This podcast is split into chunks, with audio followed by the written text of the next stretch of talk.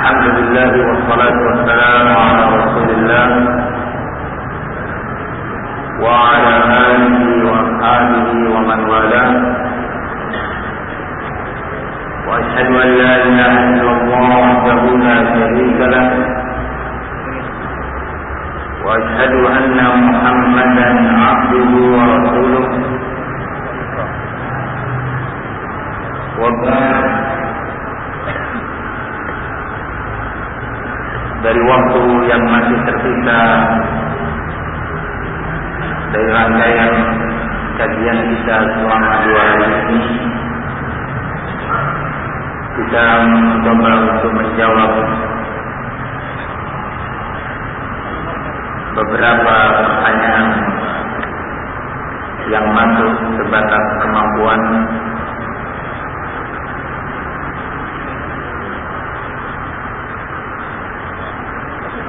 ada pertanyaan bagaimana hukumnya mengucapkan sadaqallahul azim pada setiap selesai membaca Al-Qur'an.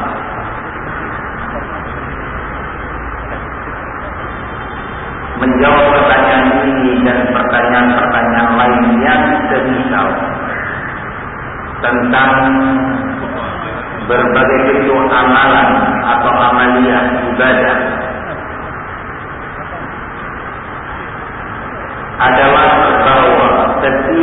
ibadah dan amalia di dalam Islam adalah harus dijalankan sesuai dengan bimbingan Rasulullah. Setiap amalan, baik itu amalan lisan atau amalan anggota badan, amalan kolbu dan yang lainnya, yang tidak pernah dibimbingkan, dicontohkan oleh Rasul Sallallahu Alaihi Wasallam maka Allah melarang kita untuk melakukannya dan Rasulnya pun melarang kita untuk melakukannya.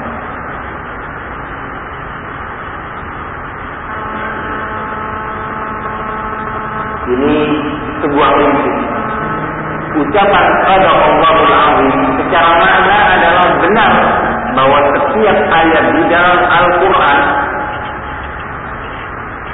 telah pada Allahul Azim. Allah yang maha agung dalam setiap ucapannya, kalamnya, maha benar. Maha benar kapan saja, di mana saja. Konteks apa pun, itu wajib diyakini. Tetapi ketika kita melakukan sebuah amalia atau ritual tertentu yang tidak pernah dicontohkan oleh Nabi, maka amalan itu tidak disyariatkan. Sekali lagi harus dibedakan antara keyakinan kita terhadap makna kalimat pada Allah Al-Azim dengan penerapan amalia ucapan ini pada setiap selesai membaca Al-Quran. Secara makna nggak ada seorang muslim pun yang boleh meragukan kebenaran setiap ayat. Tetapi secara amalia Nabi kita yang mulia tidak pernah men mencontohkannya. Oleh karena itu tidak disyariatkan untuk mengucapkan Sadaqallahul Azim setiap selesai membaca Al-Quran tidak bisa disamakan dengan ucapan A'udzu billahi minasyaitonir rajim ketika hendak membaca Al-Qur'an. Karena yang pertama tadi tidak ada teladan dari Nabi, sementara yang kedua secara tegas merupakan perintah Al-Qur'an dan merupakan contoh teladan dari Rasul sallallahu alaihi wasallam. Pertanyaan kedua, Setahu saya penggunaan kata membaca di dalam ayat, penggunaan kata membaca di dalam ayat Faidah Qara'tal Quran yaitu kalimat Qara'ta itu menggunakan kata fi'il madhi, kata kerja lampau. Kata orang barat pasen telah lampau. Iza korokta itu lampau. fi'il madhi. Kalau fi'il mudhari'nya untuk masa yang berikutnya adalah taqra'u. Taqra'u itu fi'il mudhari'. Apa bedanya korosa? Kalau korosa itu secara bahasa maknanya setelah Anda membaca pada masa lampau. Tapi kalau takra'u, yakni ketika Anda sedang atau akan membaca. Lalu kenapa kemudian ayat ini diartikan ketika Anda hendak membaca? Padahal tadi saya apa? Saya Nabi mestinya ketika Anda telah selesai membaca Al-Quran, berlindunglah kepada Allah dari godaan syaitan. Semestinya begitu. Kenapa tiba-tiba berubah maknanya? Ketika Anda hendak membaca Al-Quran. Ini pertanyaannya. Bisa dipahami pertanyaannya? Jawabannya. Bahwa setiap kita hendak memahami ayat Al-Quran.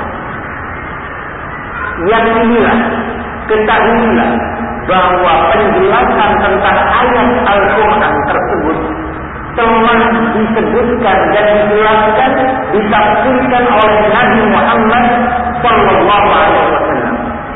Ini wajib diyakini. Penjelasan Nabi bisa dalam bentuk kata-kata bahwa mana ayat ini begini dan begitu. Bisa penjelasan dan penafsiran Nabi itu dalam bentuk fi'il, perbuatan Rasul. Seperti ketika turun ayat tertentu, Rasulullah langsung mempraktekkan cara mengamalkan perintah itu. Ya ayyuhalladzina amanu atau dalam ayat lain Allah Subhanahu wa taala memerintahkan walillahi 'alan nasi hajjul baiti man istata'a ilaihi sabila. Wajib atas manusia kaum muslimin untuk melakukan ibadah haji bagi yang mampu. Bagaimana tata cara ibadah haji dipraktekkan? Ada tawaf putar tujuh kali bukan sebelas kali. Putarnya itu Ka'bah berada di arah kiri kita bukan di kanan kita. Kemudian ada sa'i dimulai dari Sofa ke Marwah sebanyak tujuh kali bukan lima belas kali. Begitu juga ada wukuf di Arafah bukan wukuf di Musdalifah. Semua itu adalah penafsiran Nabi terhadap ayat yang di surat Al-Imran tadi. Begitu juga ayat-ayat yang lainnya. Harus diyakini bahwa Al-Quran telah turun secara sempurna, lengkap, baik lafaznya maupun tafsirnya. Kemudian tafsir-tafsir Al-Quran itu ada yang langsung diucapkan oleh Nabi secara lisan, ada yang dinukilkan oleh para sahabat. Sehingga para sahabat telah mendengarkan dan belajar tafsir Al-Quran sampai meninggalnya Rasul, wafatnya Rasul dalam keadaan lengkap. Karena Al-Quran itu diperintahkan oleh Allah setelah diturunkan untuk diamalkan dan dipahami. Generasi terbaik, terlengkap Al-Quran dan penerapannya adalah generasi yang dididik langsung oleh Nabi. Bukan dididik oleh ustaz, guru, kiai, dan dosen. Dididik langsung oleh Rasul Sallallahu Alaihi Wasallam di bawah pantauan Allah Subhanahu Wa Taala karena selama 23 tahun itu Al-Quran turun ayat demi ayat, surat demi surat, hukum demi hukum secara rinci. Itulah makna ayat al-yawma akmaltu lakum dinakum. Hari ini kata Allah telah aku sempurnakan agama kalian dan aku rela Islam ini sebagai agama. Sempurna apa? Sempurna lafaz Al-Qur'annya dari awal hingga akhir telah diturunkan dan disampaikan oleh Nabi sempurna pula hukum dan penafsirannya. Ini keyakinan yang wajib diyakini oleh setiap muslim. Sehingga setiap muslim yang ingin beramal dengan Al-Quran, memahami, berlaku, berkeyakinan, berakidah dan beriman, serta beribadah dengan berbagai hukum yang ada di dalam Al-Quran, serta tidak menafsirkannya harus merujuk kembali kepada cara penafsiran pemahaman para murid-murid Rasulullah Shallallahu Alaihi Wasallam yaitu para sahabatnya. Ketika orang Islam punya kesadaran seperti ini, mau mengembalikan urusan agamanya, akidahnya, penafsirannya terhadap Al-Quran, serta hadis kepada generasi terbaik, kepada Abu Bakar, Umar, Utsman, wa Ali dan para sahabat yang lainnya, sungguh umat ini pasti akan bersatu dan baik. Tetapi ketika umat sudah hendak menafsirkan Al-Quran dengan cara penafsiran yang berbeda dengan penafsiran Rasul dan para sahabatnya, yang satu hendak menafsirkan Al-Quran dengan tafsirnya qadariyah pengingkar takdir, yang satu lagi hendak menafsirkan Al-Quran dengan tafsirnya Syiah, yang satu hendak menafsirkan Al-Quran dengan tafsirnya Sufi, hendak menafsirkan Al-Quran yang satu lagi dengan tafsirnya Jahmiyah dan yang lainnya, yang satu lagi hendak menafsirkan Al-Quran dengan tafsirnya kaum liberalis. Di situlah terjadinya perpecahan dan tidak mungkin dipersatukan walaupun dipaksa-paksakan kalau sama-sama belum punya kesadaran untuk kembali kepada tafsir generasi terbaik umat ini yang telah berhasil mencapai dan meraih ridho Allah Subhanahu wa taala. Termasuk ayat ini. Sehingga al Quran karena mentang-mentang sudah belajar bahasa Arab, grammar bahasa Arab, ilmu dan sorok, tapi itu fi'il madhi berarti maknanya telah membaca sehingga al-isti'adzah atau ucapan A'udzu billahi minasyaitonir rajim diucapkan setelah selesai membaca Al-Qur'an. Karena sudah mentang-mentang belajar bahasa Arab di Mesir atau di tempat-tempat lain. Nah, di sinilah terjadinya penyimpangan. Pertama kali kita menyatakan ayat ini Bukanlah kita orang pertama yang membacanya dan mendengarnya. Ayat ini telah turun 1400 tahun yang lalu lebih. Ayat ini telah dibacakan oleh Nabi dan didengar oleh sahabat. Apakah demikian Rasulullah mengamalkan? Jawabannya tidak. Ternyata Rasulullah dan para sahabatnya mengamalkan ayat ini dalam bentuk ketika hendak membaca Al-Quran mereka membaca a'udzu billahi minasyaitonir rajim. Orang yang baru muncul sekarang, baru belajar nahu dan saraf wah Rasulullah gak paham bahasa Arab. Abu Bakar Umar gak paham bahasa Arab. Masa fi'il madhi diartikan fi'il mudhari? Subhanallah. Nah, ya subhanallah. Ini jawaban pertama. Yang kedua, dalam bahasa Arab sendiri, dalam bahasa Arab sendiri, kalau Anda mau belajar ke jawabnya, jangan hanya di tepi pantai. Ke dalam samudera Anda akan tahu bahwa ternyata susunan kata seperti ini itu terjadi di dalam bahasa Arab fi'il madhi bermaknakan fi'il mudhari.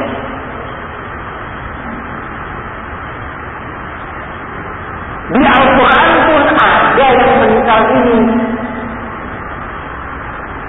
Kenapa fi'il mudhari ditakdirkan, diungkapkan dengan fi'il madhi?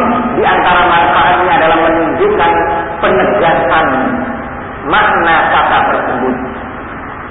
Penegasan penekanan tentang pentingnya amalan tersebut sehingga digunakan fi'il nabu. Jadi kalau belajar jangan di tepi pantai. Al-Quran mencontohkan di dalam ayat lainnya.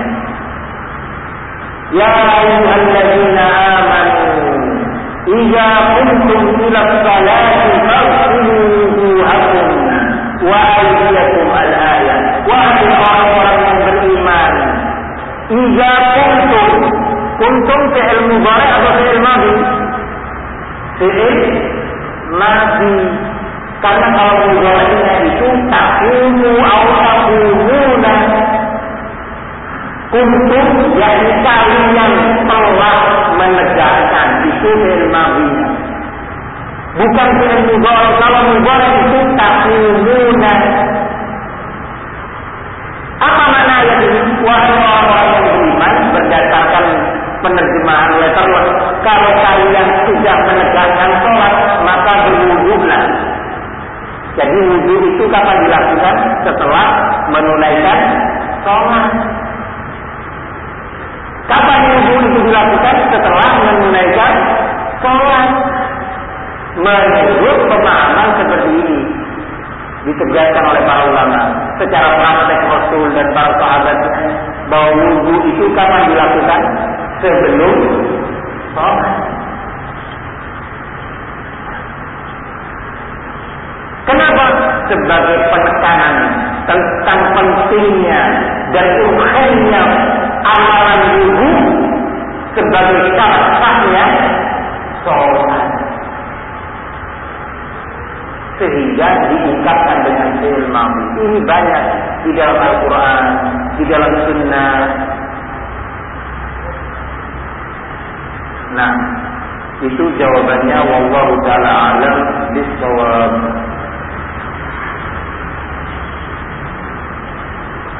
Dengan fenomena liberalisasi pertanyaan ketiga, dengan fenomena liberalisasi sekarang ini, sebaiknya langkah-langkah apa yang ditempuh oleh Majelis Ulama Indonesia terhadap kampus-kampus atau kurikulum yang sudah terancam atau tercemar dengan paham liberalisme.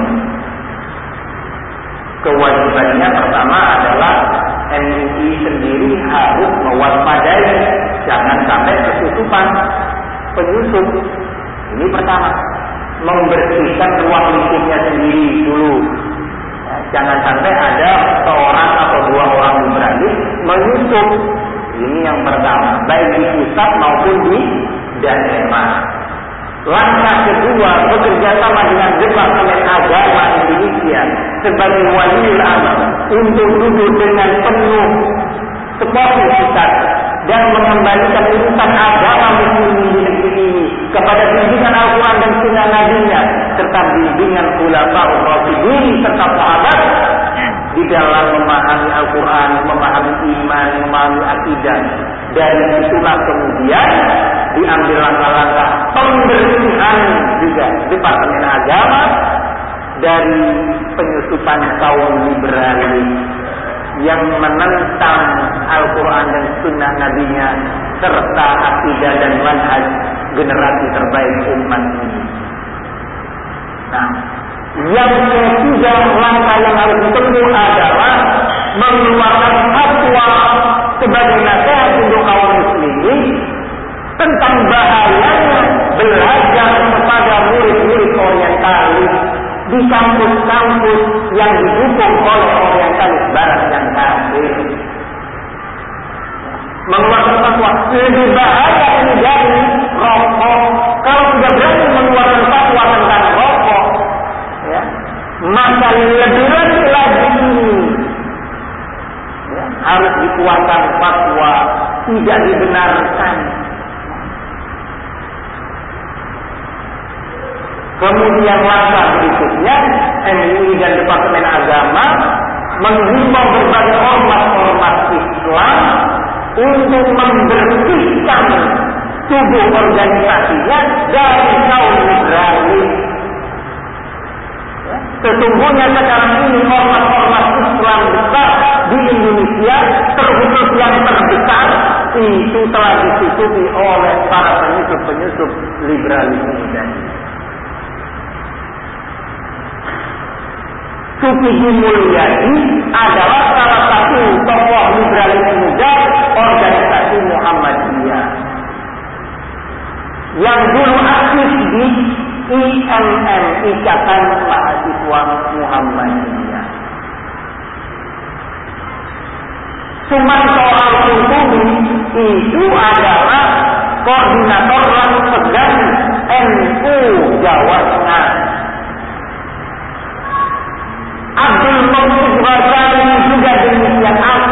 Sana dan berbagai tokoh yang lainnya yang telah berposisi pada posisi-posisi menentukan harus mau dikoreksi oleh Al-Quran dan Sunnah.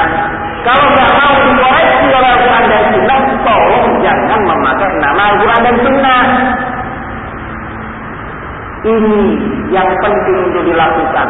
Yang berikutnya bekerja sama dengan pihak-pihak terkait lainnya dalam hal ini. Badan-badan legislatif negeri untuk mengeluarkan perundang-undangan yang melarang segala aktivitas kaum liberalis di Indonesia dan menghentikan segala kerjasama berbagai lembaga pendidikan Indonesia dengan universitas-universitasnya barat yang kafir. Kemudian mengadakan kerjasama dengan lembaga-lembaga yang terkait lainnya seperti pihak kepolisian. Untuk diambil tindakan tegas. Diambil tindakan tegas. Mengatasi kaum liberal itu tadi. Tangkap mereka. Begitu caranya kalau orang-orang liberal itu tadi berani menuntut menteri agama dan melakukan somasi terhadap menteri agama dan juga departemen agama ketika melarang Ahmadiyah dan yang semisalnya serta menuntut departemen agama kalau tidak akan diambil tindakan hukum ketika departemen agama tidak mau mengesahkan perundang-undangan yang melegalkan homoseksual. Perhatikan kekurang ajaran mereka itu. Pemerintah Indonesia harus cepat-cepat sadar. Dan rakyat muslim juga demikian. Jangan hanya menyalahkan pemerintahnya, kita juga salah. Kita sibuk sama dunia, sehingga putra putri kita termasuk kita sendiri semakin menjauh dari ilmu Al-Quran dan Sunnah serta bimbingan para sahabat dan generasi terbaik umat ini. Itulah beberapa langkah yang harus diambil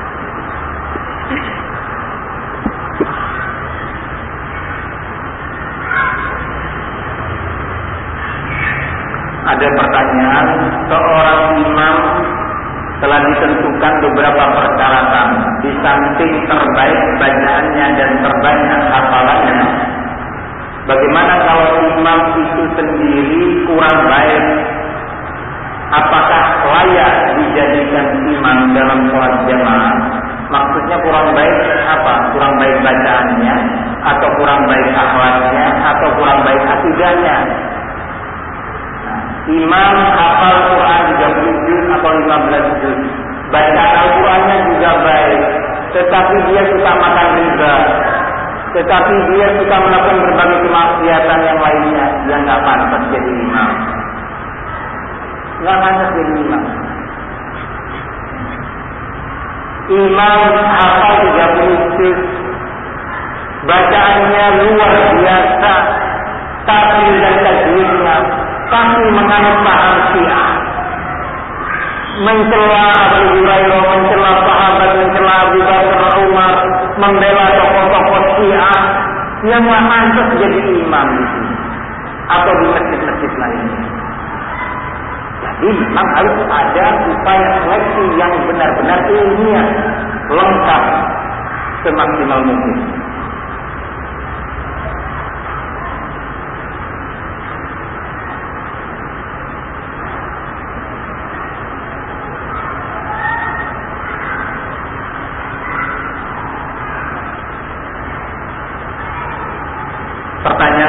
Berikutnya Ustaz dikabarkan telah bahwa penghuni neraka itu lebih banyak didominasi oleh kaum wanita. Apa solusinya bagi seorang wanita supaya bisa masuk jannah? Panjang, butuh muhadarah lengkap. Intinya jadilah wanita yang solehah. Itu intinya. Beriman dengan iman yang benar, berakidah dengan akidah yang lurus, beribadah dengan ibadah yang dibimbingkan dalam sunnah Nabi, jangan mengadakan amalan-amalan baru. Kalau saudari sebagai istri, taatlah kepada suami, jangan suka menentang suami. Dijulah anak-anak saudari, jangan keluar membuka Allah, jangan menghadiri tempat-tempat dan majlis yang penuh kemaksiatan. Jangan pergi ke dukun, jangan pergi ke paranormal ketika belum punya anak, minta anak. Jangan pergi ke dukun supaya tokonya suaminya itu laris. Dan berbagai amalan sholat yang lain harus dikerjakan, serta berbagai pelanggaran kemaksiatan dalam berbagai bidang harus ditinggalkan.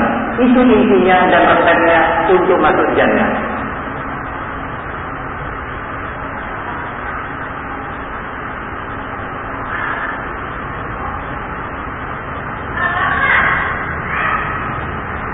Ustaz kita semua sudah tahu bahwa sebaik-baik manusia adalah mereka-mereka yang belajar Al-Quran serta mengajarkannya kepada orang lain.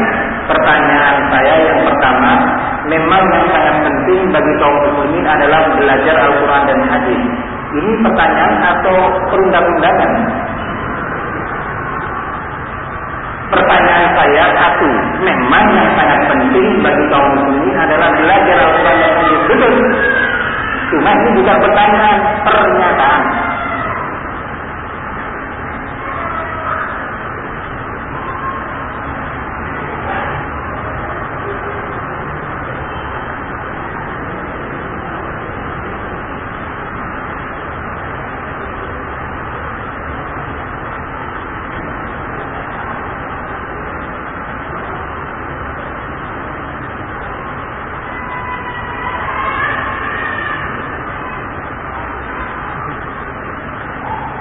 Karena dia dalam pertanyaannya yang pertama, walaupun nomornya nomor dua.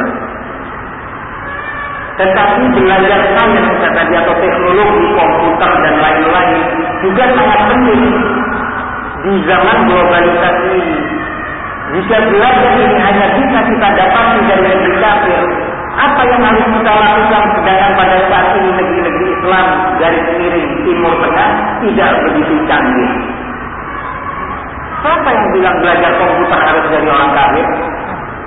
Enggak. Belajar komputer kepada putri putra putri muslimin bisa.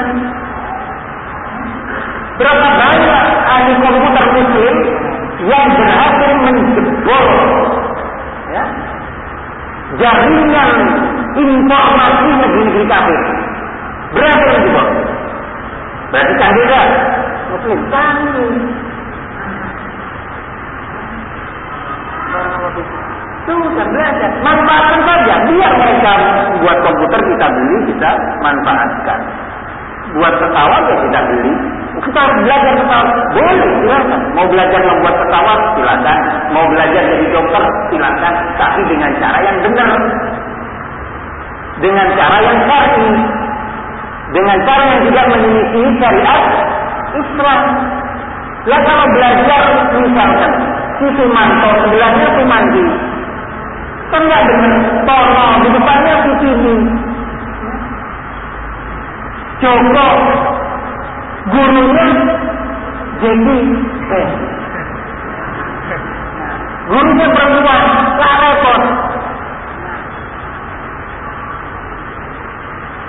Ya jangan keras-keras. Yang keras itu bukan kita, bukan syariat. Yang keras itu awal kita. Gak mau dibimbing.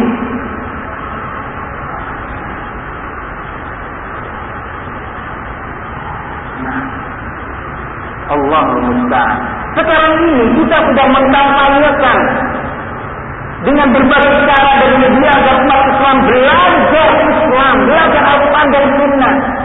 Itu pun dari seribu orang mungkin satu. Lalu bagaimana kalau masih kita mengkampanyekan umat untuk umat Islam agar belajar teknologi. Ya semakin orang-orang liberalis, orang-orang Syiah dan yang lainnya dengan mudah akan membodohi umat Islam.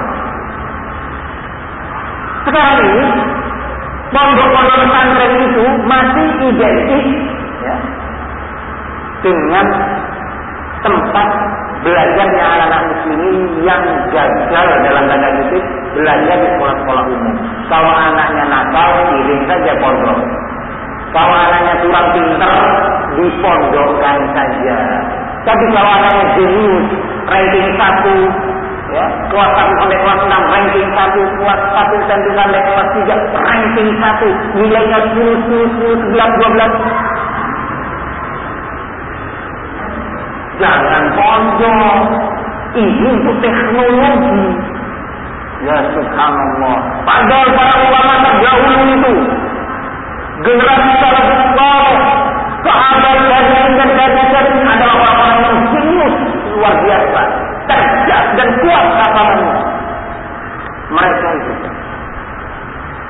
di masa-masa terakhir muslimin untuk belajar Islam dan hukum-hukum Al-Quran dan sunnah dikasih yang akhiran, yang BS, BS.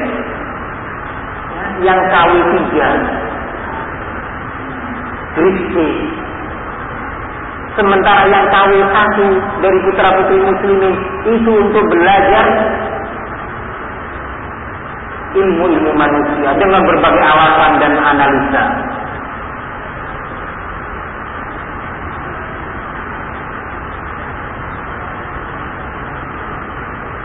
Bagaimana caranya kita bisa membedakan pendapat atau perkataan yang mengandung paham liberal dan yang tidak? Belajar. Gampang Bagaimana caranya kita bisa membedakan sebuah perkataan ini mengandung paham liberal atau tidak mengandung paham liberal? Belajar Al-Quran, belajar bahasa Arab, belajar tafsir, belajar hadis, belajar usul fikih, belajar ilmu mustalahul hadis, dan yang lainnya belajar. Harus belajar. Lu apa kita semua harus jadi santri? Betul, kita semua harus jadi santri. Belajar. Jadi jangan cuma pengajian, belajar Islam. Kapan kita mau belajar ilmu usul tafsir? Belum tafsirnya, ilmu usul tafsir. Dasar-dasar ilmu tafsir. Kapan kita mau belajar? Kapan kita mau belajar ilmu usul hadis, dasar-dasar fondasi ilmu hadis? Kapan kita mau belajar? Kapan kita memberi semangat diri kita dan putra putri kita untuk belajar bahasa Arab dan berbangga dengan bahasa Arab? Kapan? Pengajian sepekan sekali antara maghrib sampai isya selesai. Itu bagian porsi untuk ilmu agama. Selebihnya adalah informasi-informasi keduniaan. Kalau sudah waktunya berita, jangan ada yang mengganggu. Jangan ada yang mengganggu. Istri aja mau meninggalkan dia bahwa dirinya belum makan atau belum minum kopinya, bisa marah dia. Diam karena berita. Sementara berita dari Allah, berita dari Rasul tentang agama, tentang akidah, tentang jannah, tentang kiamat. Perlu disebarkan pamflet-pamflet, pengumuman-pengumuman, pengajian dan yang lainnya. Itu pun sulit untuk datang. Acara daurah seperti ini, ini hanya sekedar untuk menambah wawasan saja dalam pengertian bukan taklim yang hakiki. Taklim tambahan. Taklim yang hakiki itu adalah yang sifatnya kontinu tiap hari. Belajar kepada ustaz-ustaz yang ada di tempat kita tinggal. Di Bali ini ada Ustaz Salman Azizahullah dan beberapa ustaz yang lainnya bisa belajar fikih, akidah, usul fikih, usul akidah, usul tafsir, usul hadis, bahasa Arab. Itu yang hakiki. Kalau ini sekedar tambahan saja. Barakallahu fikum.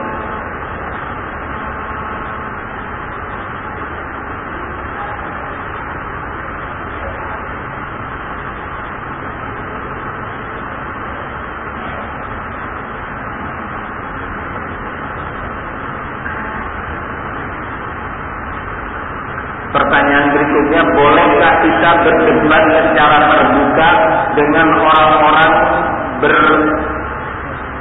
berfahamkan hil? Jawabannya, baik secara terbuka ataupun tertutup, nggak boleh. Berdebat dilarang. Rasulullah menyatakan, "Mawalla qaumun ba'da hudan kanu alaihi illa utul jadal. Tidaklah suatu kaum tersesat dalam keadaan mereka sebelum itu dan di atas hidayah di atas kebenaran kecuali orang-orang yang suka berdebat.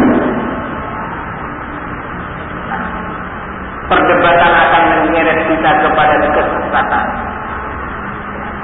Jadi kalau ada orang-orang liberalis ingin mengajak debat, enggak duduk ini. Saya mau berceramah, saya mau berbicara, kamu dengarkan. Paham, alhamdulillah enggak paham tua. Itu caranya. Betul.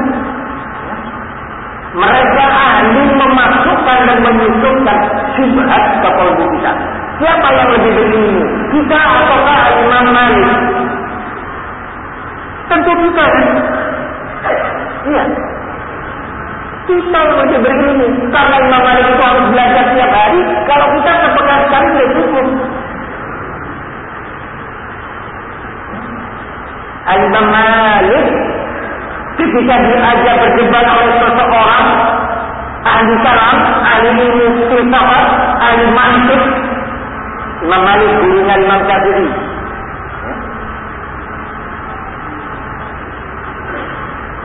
Langsung dengan tegas menolak dan mengusir orang itu tadi. Dalam riwayat lain beberapa ulama di masa tabi'in dan tabi'in seorang ahli kalam mengajaknya berdebat menyatakan tidak. Kalau gitu kata ahli kalam ini kata orang liberalis pada waktu itu, ya, dia menyatakan saya ingin membacakan satu aja ayat Al-Quran kepada kamu. Kata dia, wala Quran. Jangankan satu ayat, separuh ayat kamu nggak boleh baca di depan saya. Kuat. Begitu penjagaan Allah Subhanahu wa taala membimbingkan kepada kita dalam ayatnya وإذا رأيت الذين يخوضون في آياتنا فأعرض عنهم حتى يخوضوا في حديث غيره. إما ينسينك الشيطان فلا تقعد بعد الذكرى مع القوم الظالمين. Jika anda, kata Allah, mendapati suatu kaum yang berbicara tentang ayat-ayat Allah dengan penyimpangan maknanya, maka berpalinglah kamu dari majlis itu. Kalau kamu pernah duduk di majlis seperti itu karena dibuat lupa oleh syaitan, syaitan yang membisikkan kamu untuk menghadiri majlis seperti itu, maka setelah ini kata Allah, setelah peringatan ini, jangan lagi kamu duduk dengan mereka. Ayat Al-Quran. Jangan coba-coba ingin tahu saya sejauh mana sih subhannya. Sementara kita ini buah ini buah agak lemah. Lemah. Diberi sedikit cuma kalau kita langsung goncang. Sementara kita nggak punya alat mencabut subhat dari kolbu kita kalau sudah masuk. Nggak ada alatnya. Traktornya nggak ada. Untuk menyeret subhat dari kolbu kita supaya keluar. Sekali masuk subhat ke kolbu kita yang lemah ini, dia memancap dengan kokohnya. Jadi nggak boleh berdebat. Oh nanti kita dinyatakan penakut, Ustaz, pengecut. Nggak apa. Ini dibilang pengecut, ya nggak apa. Kenapa takut? Iya. Daripada kita dinyatakan pengecut oleh Allah, nggak ada masalah.